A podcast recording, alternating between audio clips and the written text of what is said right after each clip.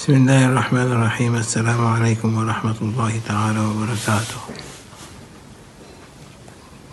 Yesterday, two days ago, there was a warning about a catastrophe that has come, that it's coming. And two months ago, the same time, I, I mentioned about the warning that is coming. If Muslims are not going to keep their adab and their prayers and their respect to love of Prophet and love of Ahlul Alam, they are going to be hit like what happened in Indonesia. We have to be very careful. It is the time of catastrophes. It's the, it's the time that no one can change it. It is the Mahdi time.